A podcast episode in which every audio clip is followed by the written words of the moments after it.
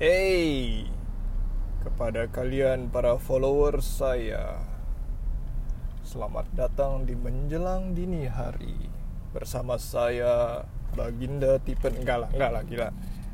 Gua enggak gua lagi pengen nyoba opening baru, cuman lagi rada-rada error jadi well, anyway.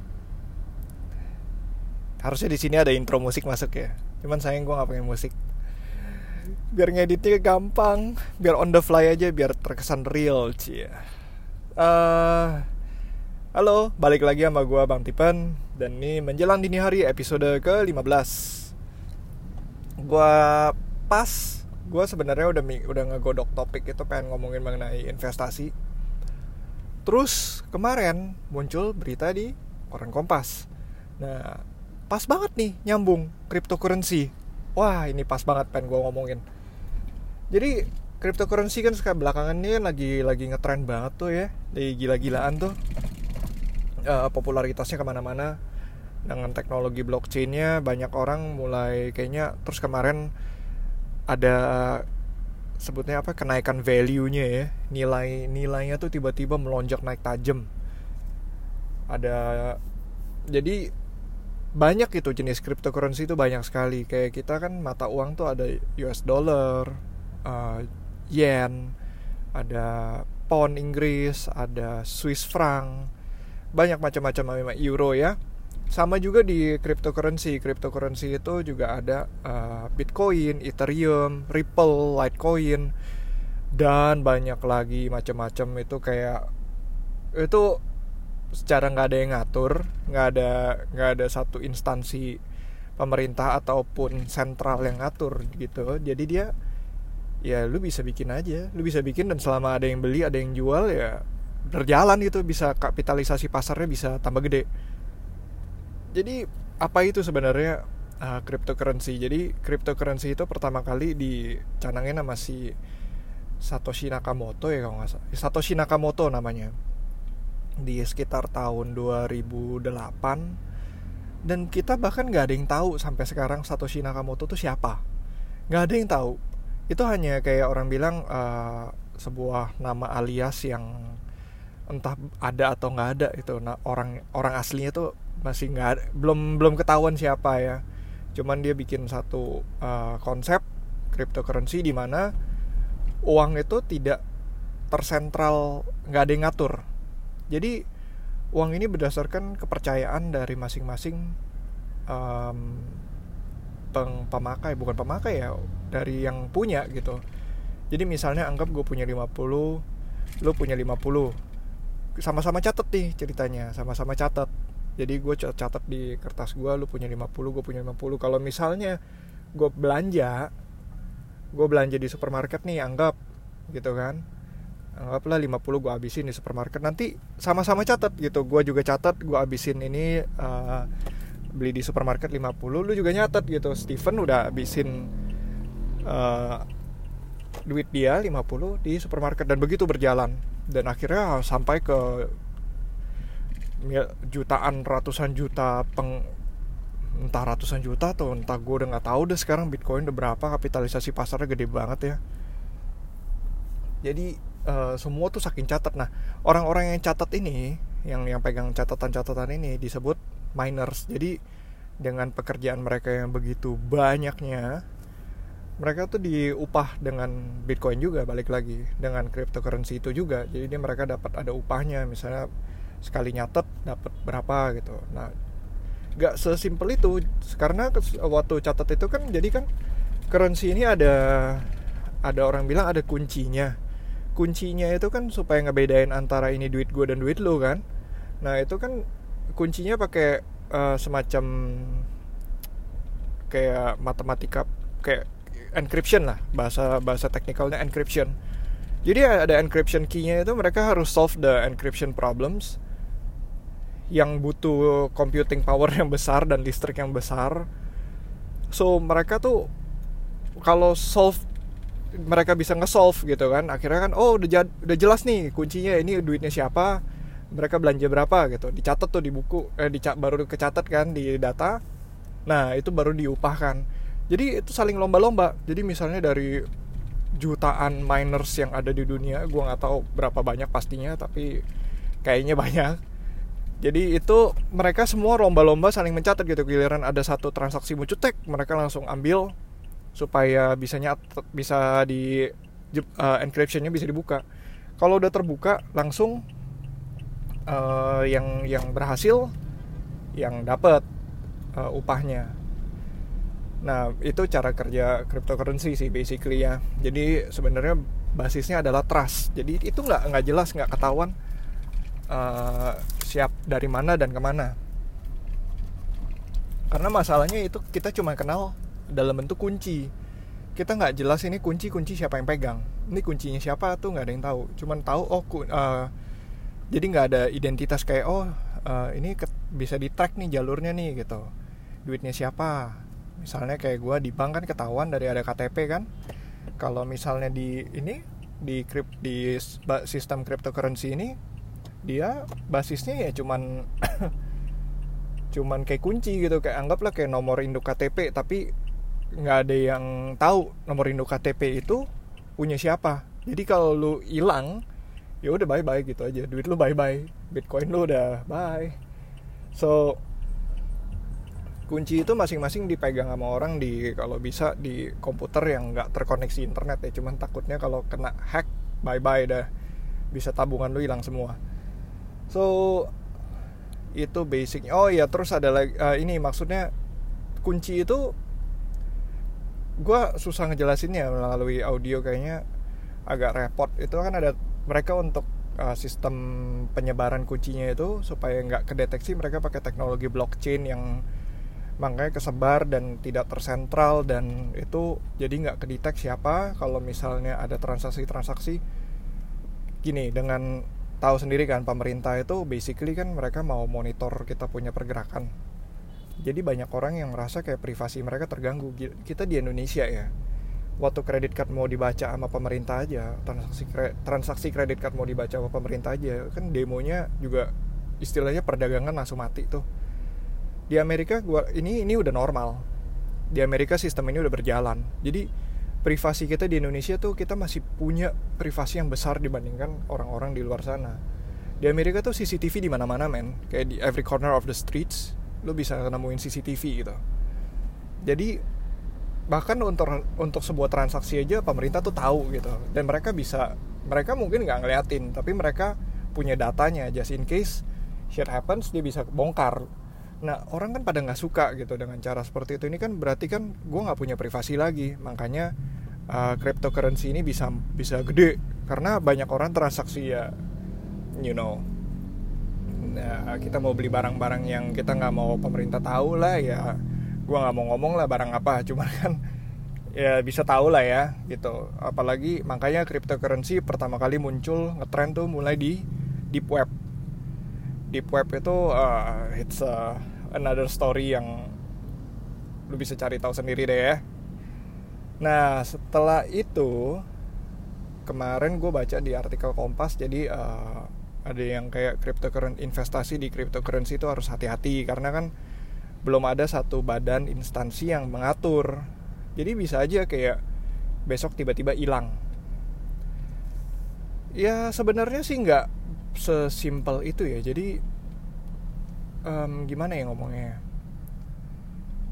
namanya investasi semua tuh pasti ada resikonya ya. Jadi kadang-kadang kita ditarik oleh berita suatu berita itu kesannya kayak wah it's a big deal gitu. Tapi kalau yang udah ngerti dunia investasi itu semua ada ada resikonya. Dan ngelihat ngelihat uh, pemberitaan begini ya kalau misalnya lo bisa terima resikonya istilahnya siap-siap duit hilang aja deh. Jadi waktu Kompas juga wawancara beberapa orang juga mereka juga bilang ya pokoknya gunakan uang yang kita siap untuk hilang. Jadi jangan pakai tabungan anak ya. Please don't. Tabungan buat anak sekolah itu jangan jangan dipakai tabungan masa depan jangan dipakai. Ini hanya untuk orang-orang yang punya duit lebih yang itu anggap aja duit itu hilang kebanyakan pembeli bitcoin waktu bitcoin masih murah-murah itu mereka juga itu kayak orang bilang udah lupa sama duitnya. Mereka cuma iseng aja oh ada bitcoin ya cuma seribu seribu rupiah udah beli aja deh biarin gitu. 9 ribu 9 juta doang kan. Mungkin orang itu udah udah rela uh, ya dia rela kehilangan 9 juta gitu dalam bentuk bitcoin. Ya buat buat iseng-iseng aja lah buat transaksi mungkin. Misalnya mereka main game terus kan uh, game kan melarang kayak game-game MMORPG kan banyak yang melarang transaksi secara ini kan transaksi di luar mereka punya sistem. Dan kalau pakai uang kalau ketahuan bisa di ban jadi mereka pakai bitcoin. Nah dia beli kayak gituan ya mana tahu kan tiba-tiba Bitcoin bisa melambung harganya. Bisa sekarang kayaknya udah 40 jutaan ya atau 24 juta sih satu Bitcoin tuh gila men. Jadi waktu orang-orang seperti itu uh, mereka udah siap kehilangan uangnya. Jadi untuk investasi kemarin ada pas ada juga Kompas tim Kompas wawancara dibilang orang yang um, misalnya dia beli bit dia awal beli uh, Bitcoin terus Bitcoin nilainya kan turun tuh. Turun. Dia lompat ke Ethereum. Dari Ethereum dia turun lagi dia lompat ke Ripple. Ripple lompat nah, ini salah satu teknik yang menurut gue agak ya lu ibarat main kasino kalau di um, ibarat main judi lah investing itu lu harus tahu lu harus tahu uh, pasarnya tuh bagaimana kalau misalnya kayak gini deh jangan invest investasi itu jangan sembarangan Oke, okay, jadi jangan ikut waktu lagi demam-demam gila. Kayak kemarin, ingat nggak uh, kira-kira tiga tahun yang lalu atau empat tahun yang lalu tuh? Oh sorry, lima tahun. Yang kasus emas, yang emas lagi naik gila-gilaan. Wah gila itu emas dari harga 450 ribuan bisa naik jadi 600 ribu. Ingat nggak? Ada yang masih ingat nggak? Nah itu emas itu semua orang pada beli bahkan um, ikutan ada ikutan kayak MLM sejenis MLM ML MLM perusahaan MLM bos buat pasarin emas yang mereka pakai apa sebutannya tuh uh, kontrak katanya emas emas kontrak. Jadi lu nggak pegang fisiknya. Dia cuma kontrak doang. Nah dari emas kontrak itu tuh itu bisa diperjualbelikan istilahnya kayak wow gue punya pegangan emas gue sekian tapi nggak dalam bentuk fisik dalam bentuk paper kontrak. Akhirnya apa yang terjadi? Harga emas tiba-tiba turun setelah berapa lama. Dia turun turun turun uh, balik lagi ke original value jadi emas itu memang dari dari 600 ribu terus turun original value dalam waktu berapa ya? Seteng, uh, setahun ya kalau nggak salah. Balik lagi. Wah itu semua orang kayak langsung ada yang rugi bahkan ada perusahaan MLM-nya yang kabur. Karena udah nggak bisa balikin duit nas nasabah kan? Dia ngumpulin duit dengan kontrak orang fisik yang nggak dikasih kok. Itu orang udah pada nggak mikir. Nah yang kayak gini itu yang harus dihati-hati.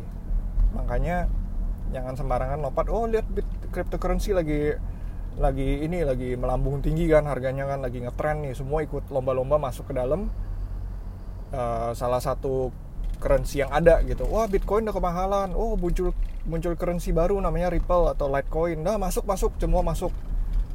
Yang akhirnya akan kacau. Nanti akhirnya misalnya kayak tiba-tiba dianggap Ripple itu sistemnya jelek udah usang udah langsung bye bye semuanya udah langsung worthless itu Ripple koin-koin lo semua langsung jadi langsung jadi sampah. Nggak bisa diapa-apain nggak bisa jual nggak bisa nggak bisa diperjualbelikan kan? Berapa jadi hati-hati. Paling penting itu kalau misalnya mau investasi selalu lihat uh, kapitalisasi pasar sama likuiditasnya. Kayak misalnya sekarang kan paling besar tuh Bitcoin. Ya Bitcoin itu dia punya kapitalisasi pasarnya besar sekali paling besar dan itu nilainya juga memang paling mahal. Karena apa? Ya ibarat kayak pound sterling lah sama US dollar lah US dollar. Mata uang yang dipakai di mana-mana. Itu jadi standar pertama walaupun katanya oh sistemnya kemarin ada baca katanya sistem Bitcoin itu udah sistem blockchainnya udah udah jadul. Jadi uh, apa? Udah nggak nggak bagus lah lambat katanya. Ya ya boleh. Some people ada yang merasa mungkin oh boleh gue ambil resiko ambil yang keduanya.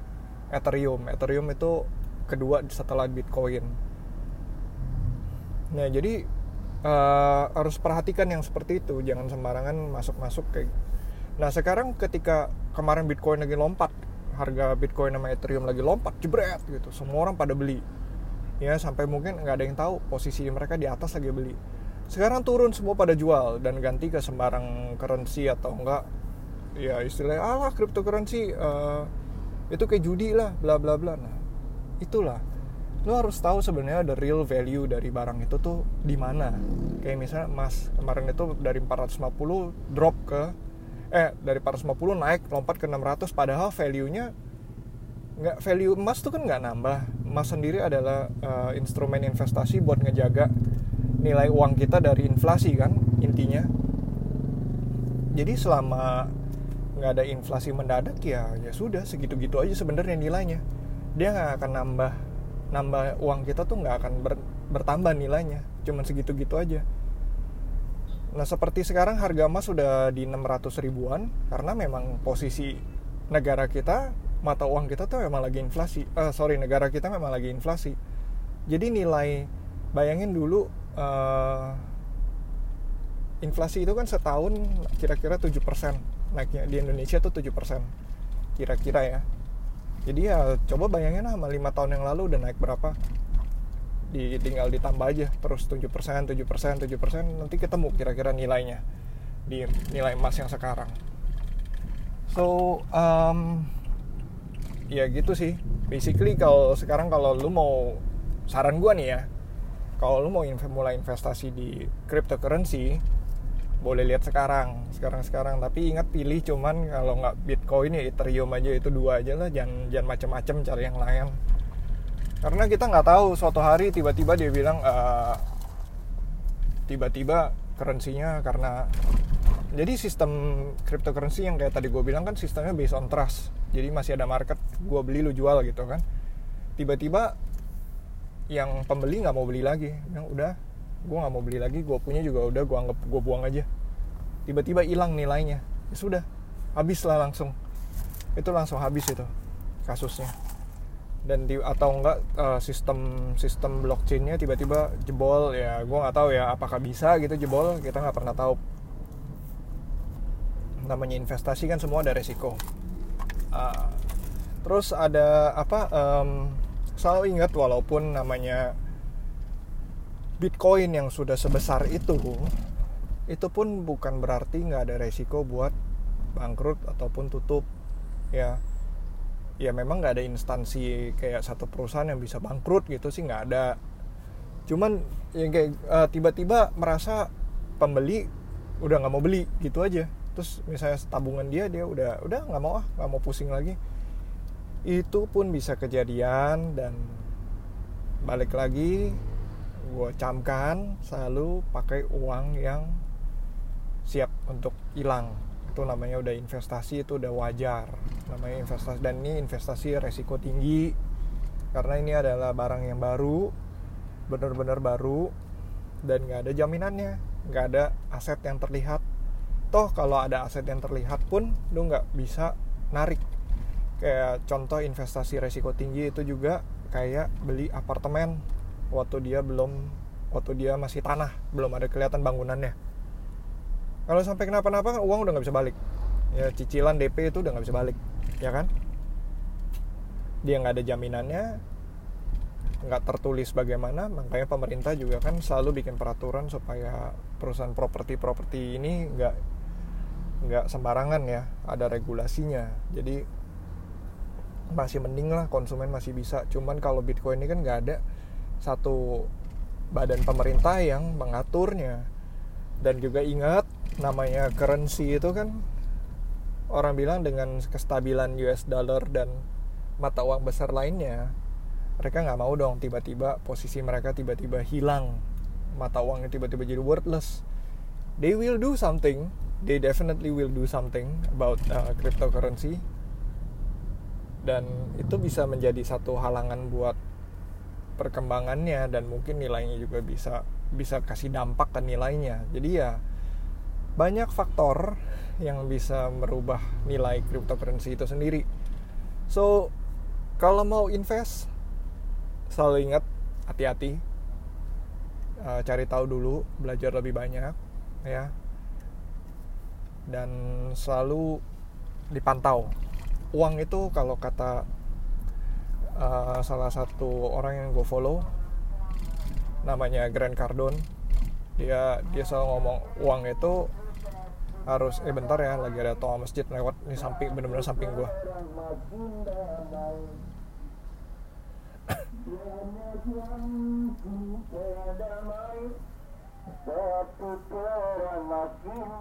Ini gue lagi di bawah mobil jadi agak apa lewat pas lagi suara kencang begini ya susah kan? Ntar nggak gitu kedengaran so iya yeah, Grant Cardone bilang uang itu money is like a attention attention whore katanya.